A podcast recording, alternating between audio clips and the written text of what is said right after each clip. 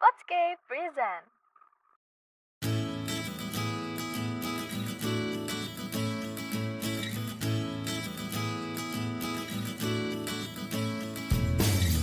Halo Scapers, kalian lagi dengerin Podscape Podcast Studyscape.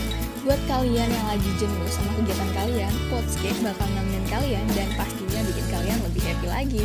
So, dengerin kita terus ya.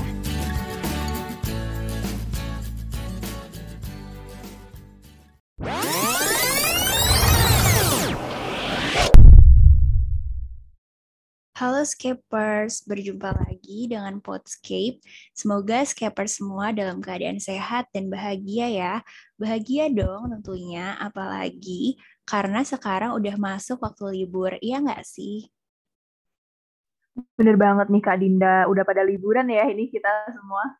Iya nih, udah pada libur.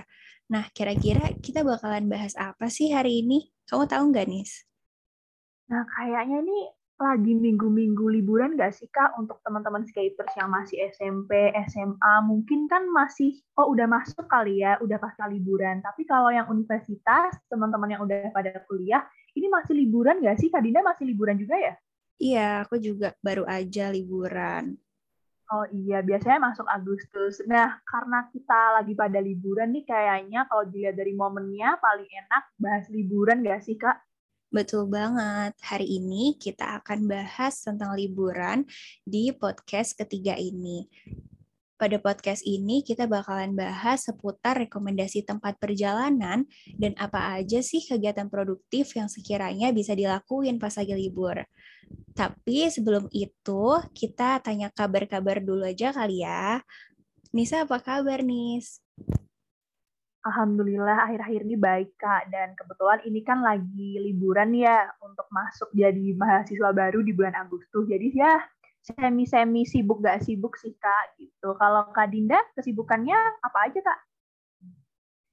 Kalau aku um, dari kabar dulu kali ya. Kalau aku kabarnya lagi mengalami insomnia nih karena tuh kalau liburan jadwal hidupnya nggak teratur gitu yang tadinya jam setengah delapan ada kelas, jam enam udah bangun. Sekarang jadwalnya kayak seenak jidat sendiri. Akhirnya uh, sering ngalamin susah tidur gitu. Oh ya, aku mau. Ah, iya. Sama banget, Kak. Soalnya kayak malamnya tuh kita kayak berasa, oh besok free. Terus yaudah deh kita nonton film gitu gak sih? Iya, Terus bener bablas sampai subuh. Oke, sama kali ya. Iya. Oke, nice. Tapi ini ya, kalau misalnya maba-maba gitu atau anak kelas 12 yang gap year itu liburan pas bulan Juli itu kayak nggak tenang gitu nggak sih? Karena persiapan ospek, persiapan masuk kampus. Bener banget, apalagi tahun ini tuh tahun peralihan dari ospek yang dua tahun kemarin online kalau nggak salah, dan ini tuh offline, Kak. Jadi aku pribadi tuh sebagai mahasiswa baru ya, yang mau menyiapkan tuh bingung gitu mau tanya ke siapa. Kalau mau tanya ke cutting yang tiga tahun di atas, kan cutting-cutting tuh pada bilang, ehm, iya nih aku punya sih pengalaman ospek offline gitu ya, tapi kayaknya agak beda deh, soalnya udah tiga tahun yang lalu. Dan kalau misal aku tanya ke cutting yang di satu tahun lebih atas daripada aku, mereka juga kurang tahu karena mereka kan ospeknya online. Jadi ya semi-semi bingung, tapi juga excited juga sih sebagai mahasiswa baru gitu. Kalau yeah. dulu Kak Dinda online atau offline, Kak? Uh, aku kebetulan online ya. Oh, wah enak ya. Ya, ada enaknya ada enggaknya juga ya kak ya kalau online. Iya, tapi buat Nisa, buat teman-teman lainnya yang baru jadi maba, semoga dilancarkan ya ospeknya dan kalian bakalan punya liburan lagi kok pas akhir tahun.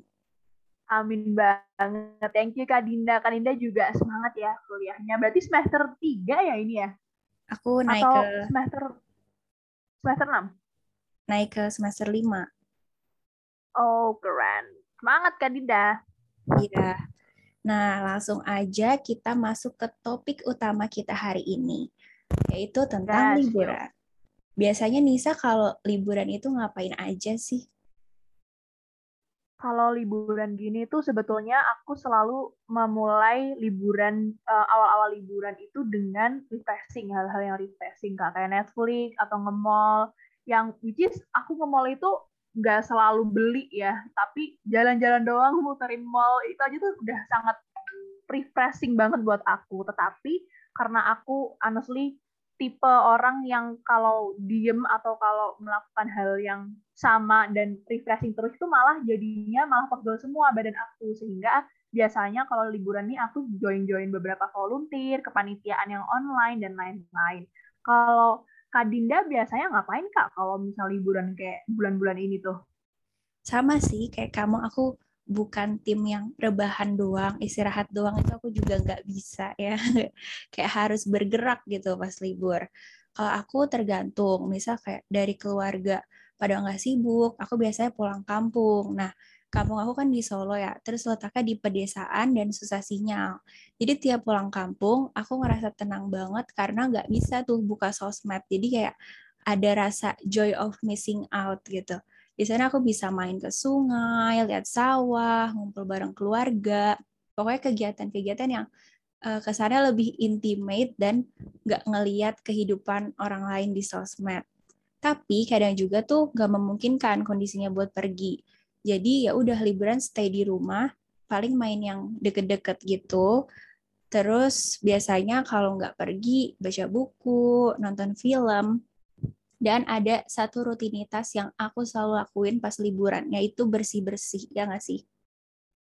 Iya banget, dan karena bersih-bersih itu, mungkin Kak Dinda juga ngerasain ya, bersih-bersih itu bisa membuat kita tuh memulai hari dengan mood yang maksimal banget gak sih, mood yang bagus, dan kayak rasanya tuh semua permasalahan-permasalahan tuh hilang 99% gak sih Kak? Asli. Iya, apalagi kalau pas lagi sekolah itu kita suka ada kertas coret-coretan atau tinta pulpen yang habis itu kita nggak sempet beresin.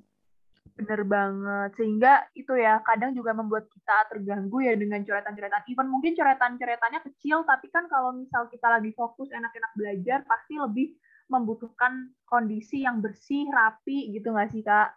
Ya, berarti kita sama ya. Aku bener-bener juga membuat membuat bersih-bersih itu sebagai refreshing Iya. Dan biasanya uh, kalau waktu liburan tuh udah mau selesai, itu waktunya kita nyampulin buku baru, terus beli tas, beli perlengkapan sekolah, terus yang kuliah biasanya beli kertas binder itu kayak liburan udah selesai. Bener banget asli. Kalau kuliah, kalau kuliah itu kak apa namanya masih disampulin gitu bukunya atau binder? Seringnya sih pakai kertas binder oh, kertas binder gitu ya. Tapi kalau untuk beli-beli pensil gitu-gitu tuh walaupun emang mengeluarkan duit yang tidak sedikit dan membutuhkan waktu yang lama juga buat belanja, tapi satisfying banget asli kalau buat aku karena itu tuh kayak membuat kita semangat memulai pelajaran. Padahal ya kita tahu fungsinya sama, terus habis itu merek yang kita beli juga kayaknya sama juga daripada di semester yang lalu juga. Tapi tuh kalau barang-barang baru tuh kayak kali lagi fresh banget gitu sehingga bisa buat kita semangat ya. Iya benar. gitu deh benar banget. Oke. Okay. tapi aku pernah dengar ya temanku tuh pas liburan malah belajar ke kampung Inggris. Jadi dia liburan bukan hanya sekedar melepas stres tapi juga belajar hal baru gitu ya. Ternyata momen liburan oh, keren banget asli iya dan ternyata momen liburan bisa kita manfaatin buat ikut course, belajar bahasa baru, bahkan kayak ikut pesantren kilat untuk meningkatkan religius kita dan juga kita bisa kayak Sofia juga gitu belajar bikin kerajinan keramik. Kerajinan keramik? Berarti kayak les gitu ya kayak? Ya? Iya, mungkin kayak kita libur sebulan, dua bulan, itu kita bisa ikut les-les gitu loh. Iya, keren banget lagi. Dan kalau misal apa namanya kita belajar tentang keramik kampung Inggris tuh at least walaupun liburnya dua minggu atau satu bulan itu ada outputnya nggak sih?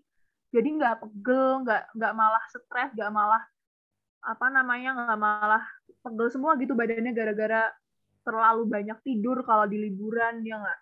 Iya bener banget. dan aku kalau nggak salah ya aku juga punya temen yang yang aku juga akhirnya keikut sih dia itu belajar coding. Nah buat temen-temen nih kalau misal kalian mau belajar coding ternyata tuh ada ada uh, kursus di online. Kalian cari aja banyak kok. Kalau aku pakai Proget sih.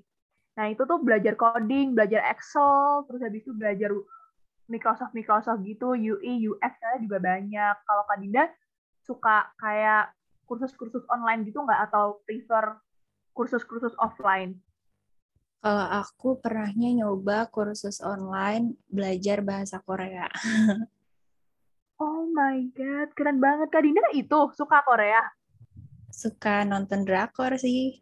Asli, sama sih kalau aku. Tapi aku honestly suka drakor, cuman aku nggak tahu kenapa lebih suka filmnya. Karena aku nggak suka drakor bukan karena itu sih, bukan karena nggak suka alurnya. Aku emang kurang suka series gitu. Karena aku bosenan anaknya. ya ampun malu banget. Aku bosenan anaknya kalau buat seri-seri kayak gitu. Jadi tuh kadang drakor 5 episode terus habis itu stop ganti drakor lain. Udah deh akhirnya nonton film aja. Jadi kita sama kak. Suka sama-sama suka Korea. Ntar semoga kita bisa ke Korea bareng ya kak ya? Iya amin banget. Terus selanjutnya kita mau kasih rekomendasi kegiatan produktif yang bisa dilakuin pas liburan. Dari aku dulu ya. Yang pertama itu belajar kendaraan belajar mobil atau motor, ya kan? Kadang tuh kita suka nggak sempet pas lagi sekolah, lagi kuliah, dari pagi sampai sore belajar, malam yang ngerjain tugas, akhirnya kita nggak sempet buat nyetir kendaraan gitu. Nah, di momen liburan, kalian bisa belajar nyetir yang nantinya mobilitas kalian jadi tinggi dari yang tadinya nelpon sopir atau harus naik kendaraan online. Nah, kalau kalian bisa nyetir, kalian tuh bisa jadi lebih mandiri, ya nggak sih, Nis?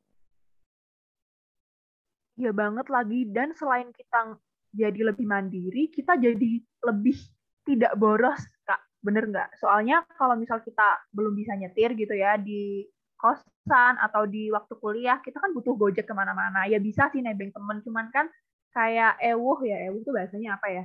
Kayak nggak enak kalau misal setiap hari itu nebeng temen terus, takut ngerepotin juga kan. Jadinya kita harus mau nggak mau ngeluarin uang buat Gojek, Grab, dan itu mungkin emang nggak mahal, cuman kalau terus-terusan kan juga akan bertumpuk jumlahnya, jadi akan mahal hasilnya. Jadi kalau misalnya kita belajar mobil atau motor itu bisa sangat menghemat uang kita.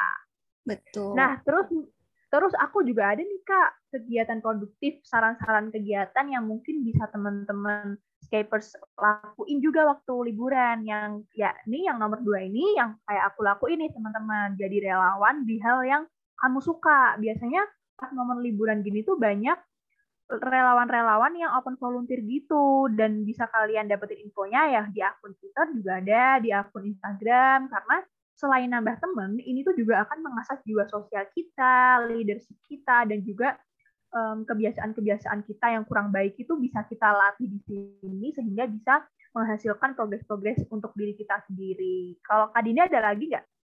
Ada dong. Yang terakhir rekomendasi dari aku yaitu ikut kelas yang diminati. Pernah nggak sih kamu ngerasa penasaran sama sesuatu, cuman belum ada waktunya pas kemarin-kemarin. Nah, di momen libur gini, kamu bisa menjalankan plan yang tertunda tersebut. Kayak tadi ikut kelas bahasa asing atau kayak Nisa ikut kelas coding, Excel, kelas ngaji, kelas public speaking dan juga nggak cuma kelas-kelas yang serius aja, tapi ada juga kelas yang menambah keterampilan, kayak kelas uh, bikin kerajinan keramik, kelas menjahit, nulis puisi, atau menyulam gitu. Dan juga yang bisa bikin kita glowing nih, kelas olahraga, iya nggak sih? Kita liburan, balik-balik ke sekolah, badannya udah bagus gitu. Bener banget. Soalnya yang membuat kita glowing itu nggak hanya skincare ya, Kak, tapi juga olahraga. Karena aku juga pernah dengar di teman-teman di YouTube, di Instagram, bahwa dokter-dokter kecantikan itu mengemukakan kalau glowing di muka itu bukan hanya karena skincare, tapi juga itu representasi dari apa yang kita makan, apa kegiatan kita, apa habit kita. Jadi kalian kalau mau kulitnya glowing nih, ada tips ini yang pernah aku baca, banyak air minum dan juga banyak olahraga. Jadi saran-saran yang dari Kadida ini bisa banget kalian ikutin kalau kalian lagi liburan kayak sekarang ini. Dan aku juga ada nih Kak, terakhir eh, rekomendasi kegiatan kalau misal kita semua lagi liburan ya. Ini adalah menyicil materi-materi sekolah atau kuliah yang kemungkinan akan keluar di semester depan. Jadi contohnya aku nih ya, di semester depan atau semester satu ini kalau di IPB di univ aku itu masih kayak SMA kelas 12. Nah, jadi aku mau nyicil-nyicil materi yang sekiranya akan keluar di semester aku itu seperti kimia, seperti fisika, biologi dan lain-lain sehingga biar nanti ketika kalian masuk sekolah atau masuk kuliah itu kalian gak kaget-kaget banget karena kalian udah baca materinya jauh-jauh hari gitu. Wah keren banget sih Nisa udah rajin ya, padahal belum masuk tapi udah rajin gitu. Iya, ini lagi semangat-semangatnya nih, Maba. Doain ya, Kak, semoga semangat ini masih terjaga sampai kapan pun. Jadi semoga nih semangatnya nggak waktu Maba doang nih, Kak. Iya, amin. Bahaya nih kalau semangatnya Maba. Oh iya, by the way, kalau Kak Dinda sendiri itu lebih suka uh, beli barang atau lebih suka kayak traveling gitu, Kak? Oh, maksudnya out, mengeluarkan uangnya itu lebih suka spend money di beli barang atau lebih ke traveling, nonton film, yang lebih kegiatan-kegiatan gitu, Kak? Kalau aku jujur lebih suka traveling. Aku tuh pernah denger ya, quotes dari Raditya Dika. Kalau kita lagi ada rezeki, lebih baik jangan dipakai buat beli barang. Tapi lebih baik kita pakai buat traveling atau nyobain makanan. Karena seiring berjalannya waktu, kalau kita beli barang itu akan habis fungsinya. Dan kalau kita pakai buat traveling kita dapat pengalaman yang berkesan buat hidup kita. Kita juga bisa dapat foto-foto bagus ngobrol sama orang baru lebih mensyukuri kehidupan. Dan yang paling penting nih ya pengalaman-pengalaman yang gak akan kita dapetin kalau kita nggak keluar dari zona nyaman. Ya nggak sih bener banget soalnya dengan kita liburan itu kita juga dapat eksperimen-eksperimen dan pengalaman-pengalaman baru yang nggak tentu kita dapetin waktu kita kuliah, sekolah dan lain-lain gitu ya kak. Iya betul. Berikut kita bakalan rekomendasiin tempat yang bisa jadi referensi perjalanan kalian. Kalau yang tadi kan kegiatan yang bisa kita lakuin dari rumah. Nah ini kegiatan produktif yang bisa buat belajar juga, tapi dari luar rumah gitu ya. Nah, kalau dari Nisa, ada nggak sih rekomendasi tempat yang pernah kamu kunjungi dan worth? Oke, kalau untuk tempat, seperti yang aku tadi bilang, Kak, um, teman-teman skaters, bahwa aku tuh lebih suka liburan ke yang alam banget. Karena apa? Karena kalau aku merasa setiap aku sekolah atau kuliah ya kuliah belum ya sekolah sekolah satu semester gitu ya enam bulan itu tuh banyak kegiatan-kegiatan yang membuat aku hektik hiruk pikuk kota yang mungkin rame di kepala terus ide-ide yang mungkin belum aku eksekusi dan lain-lain. Sehingga kalau liburan itu justru aku prefer liburan ke alam maybe pegunungan pantai daripada aku ke mall atau kayak um, nonton bioskop. Ya sama-sama suka sih. Cuman kalau disuruh milih aku akan milih liburan ke yang alam-alam gitu. Dan aku punya rekomendasi banget nih buat kalian semua yang mau main ke Jawa Tengah khususnya karena aku domisili aku Semarang. Kalian kalau mau melarikan diri dari apa namanya hiruk pikuk kota, tugas-tugas kuliah atau sekolah, kalian harus banget coba nginep di villa Umbul Sidomukti. Jadi kalau misal ada beberapa dari kalian yang udah tahu, Umbul Sidomukti itu seperti villa yang ada di pegunungan, teman-teman. Dan villanya ini tuh nggak terlalu mahal. Kalau mungkin villa lain gede-gede gitu ya, 5 juta, 6 juta. Kalau ini tuh 900 sekian, hampir 1 juta. Dan itu udah cukup banget buat satu keluarga. Dan ketika kamu udah nginep di villa itu, pemandangan yang kamu dapetin adalah kamu dapat view gunung yang bener-bener kamu buka pintu nih, buka pintu kamar itu view-nya tuh langsung gunung. Dan kamu bisa ngopi juga, ada kedai kopinya, ada ATV-nya, ada juga outbound-nya, dan lain-lain. Bisa ada taman kanak-kanak juga kalau kalian punya adik nih, pasti adik kalian suka banget nih main di sini. Itu kalau rekomendasi dari aku yang Indonesia, yang alam-alam banget. Kalian bisa ke Unggul Sidomukti dan pesen atau nginep di villa yang mereka punya. Itu di Jawa Tengah ya, di Semarang. Di mau ke Ungaran kalau nggak salah itu. Nah kalau yang untuk luar negeri, honestly aku merekomendasikan Jepang dan Korea teman-teman karena waktu aku ke Jepang dan Korea juga itu mereka orang-orangnya itu baik-baik dan juga tidak banyak culture shock yang aku rasain ketika di sana. Ada sih beberapa culture shock, cuman tidak mengganggu kenyamanan aku selama berliburan.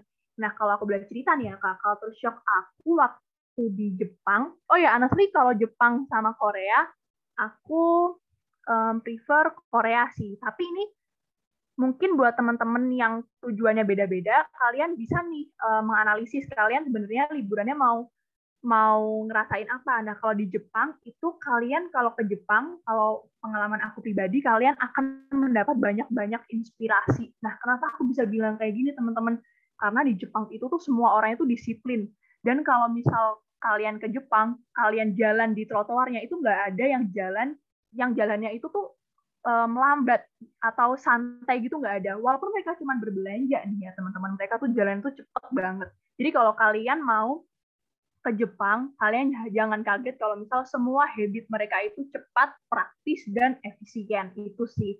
Terus habis itu kalau kalian lebih pingin ke yang refreshing, yang fun gitu-gitu, aku prefer ke Korea. Karena di Korea itu habitnya nggak sekenceng Jepang, tapi mereka lebih ke yang membuat uh, kalian fresh banget, terus banyak boy band juga di mana-mana tuh setiap kalian jalan, kalau nggak boy band ya grup band, kalau nggak waktu dulu aku ke Korea kan waktu SD ya, itu zamannya SNSD sama EXO. Pokoknya itu tuh membuat kalian fresh banget. Nah, tapi untuk culture shock-nya, kalau di Korea sama Jepang, itu aku kaget banget karena ternyata dua negara itu tuh sangat-sangat dingin.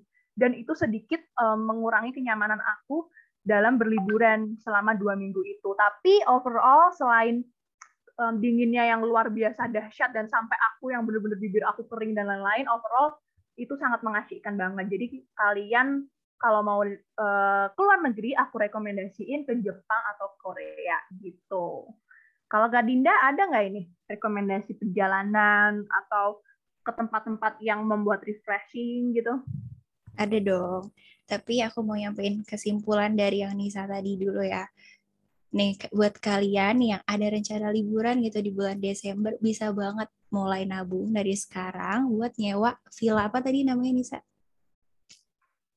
Villa Umbul Sidomukti dicatat ya teman-teman Sidomukti itu wah bagus banget. Mungkin Kak Dinda harus ke sana juga nih kalau mau ke sana hubungin aku aja kak. Ntar aku jelasin tempatnya.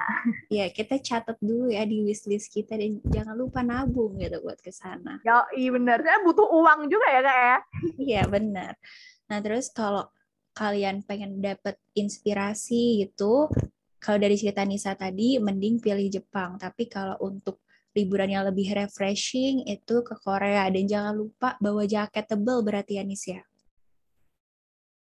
Iya, jaket tebel banget. Karena kalau kalian nggak pakai jaket tebel, itu bener-bener kalian malah akan merasa tidak nyaman selama liburan itu. Karena bakal kedinginan, kegigilan. Bayangin aja kamu kayak uh, bertamasya, tapi kamu ke kedinginan yang luar biasa. Jadi kan kayak kurang nyaman gitu ya. Dan kalau bisa kalian ke Jepang sama ke Koreanya itu yang waktu musim semi aja, beneran. Asli.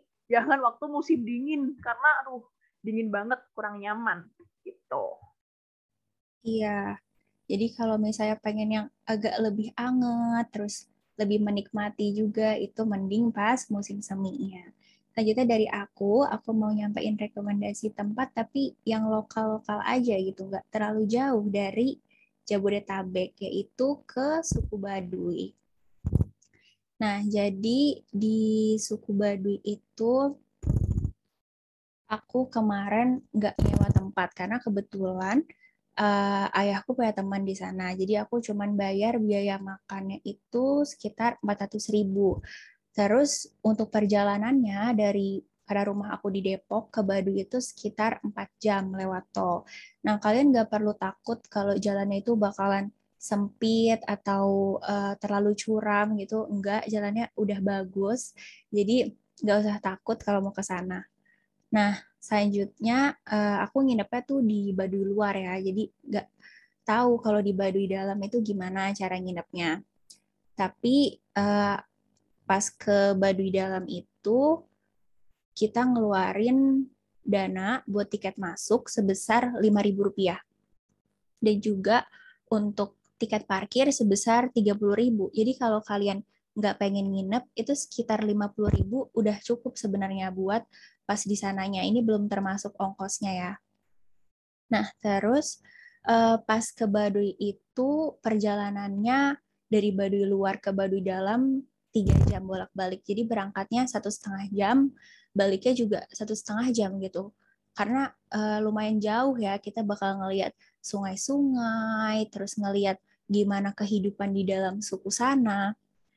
Makanya kita butuh banget pakai baju yang nyaman, pakai sepatu olahraga karena jatuhnya tuh kayak trekking gitu loh, jalannya batu-batu, terus naik turun naik turun agak licin juga. Jadi yang perlu dipersiapkan itu pakai sepatu olahraga, terus pakai baju yang nyaman, baju olahraga juga kalau bisa dan jangan lupa bawa topi sama kacamata karena agak panas. Terus um, jangan lupa bawa minum, kalau bisa sekitar 2 liter gitu karena bakalan aus banget di sana tuh. Oh iya, nanti kalau kalian di sana itu ada anak kecil yang nyewain tongkat. Jadi kan jalanannya agak susah ya batu-batu gitu. Jadi kita butuh pijakan kan. Nah, di sana banyak yang nyewain tongkat anak-anak kecil di sana gitu. Harganya 5000 Terus jangan jangan dibawa pulang ya kayak kayak aku aku nggak tahu kalau tongkatnya itu dibalikin malah aku bawa pulang tongkatnya. Jadi itu emang cuman disewa gitu dan uh, kalian jangan kaget kalau di sana yang cowok ataupun yang cewek itu pada cakep-cakep banget alias cantik dan ganteng karena apa? Karena mereka ada keturunan suku Mongolia-nya. Jadi kayak bule-bule gitu loh, agak-agak bule gitu.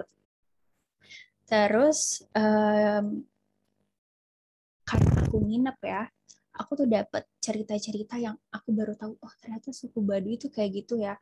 Kalau di suku Baduy yang di dalam itu nggak ada listrik, terus juga nggak ada kompor, nggak boleh pegang HP, dan tahu nggak sih mereka itu nggak pakai sendal dan nggak boleh naik kendaraan selama seumur hidup ya. Jadi mereka nggak pernah keluar Pulau Jawa karena dalam tradisi mereka itu nggak boleh naik kendaraan. Dan dari situ aku kayak selama ini aku banyak banget impian aku suka nggak bersyukur di dalam hidup tapi sebenarnya dengan kita hidup seadanya aja, itu kita bahagia gitu. Yang penting kita bermanfaat dan nggak ngerugiin orang lain. Jadi kayak di sana aku belajar arti kesederhanaan dan juga apa ya kayak sisi religiusnya tuh lebih bertambah, lebih bersyukur gitu. Keren banget asli itu pengalamannya enak banget ya. Jadi kalau buat kalian nih teman-teman skapers kalau berdasarkan cerita dari Kak Dinda tadi, kalau kalian uh, punya budget yang low, low budget, tapi pingin liburan yang bermakna, kalian gas harus berangkat ke suku Baduy. Dan jangan lupa pakai baju olahraga ya kak, karena um, jangan berekspektasi di sana kalian akan santai-santai gitu guys, tapi di sana trekking. Dan jangan lupa kalau kalian nyewa tongkat dikembalikin ya teman-teman, iya, jangan dibawa pulang kayak Kak Dinda. Oke, okay, thank you banget loh. Dari yang udah kita sampaikan tadi, kira-kira Scapers mau ngelakuin yang mana nih? Harapannya kalian bisa upgrade diri ya di momen liburan ini. Dan jangan lupa ke mana pun kalian pergi, itu kalian gak apa-apa banyak foto-foto gitu. Tapi jangan lupa juga nih buat mengingat momen itu dengan mata kalian, dengan hati kalian gitu. Jadi lebih bermakna liburannya. Dan jangan lupa untuk pakai masker karena uh, kita juga harus jaga kesehatan ya selama liburan terus buang sampah pada tempatnya dan jangan lupa makan biar nggak masuk angin liburannya. Benar banget. Dan kalian juga jangan lupa untuk ngasih diri kalian space untuk rehat dan juga beristirahat agar di semester selanjutnya atau di setelah pasca liburan itu kalian bisa balik fresh dan juga memaksimalkan kegiatan-kegiatan kalian. Gitu ya, guys. Betul. Thank you for listening, Skippers, and happy holiday! Happy holiday, Skippers! See you in the next episode. Dadah! Bye!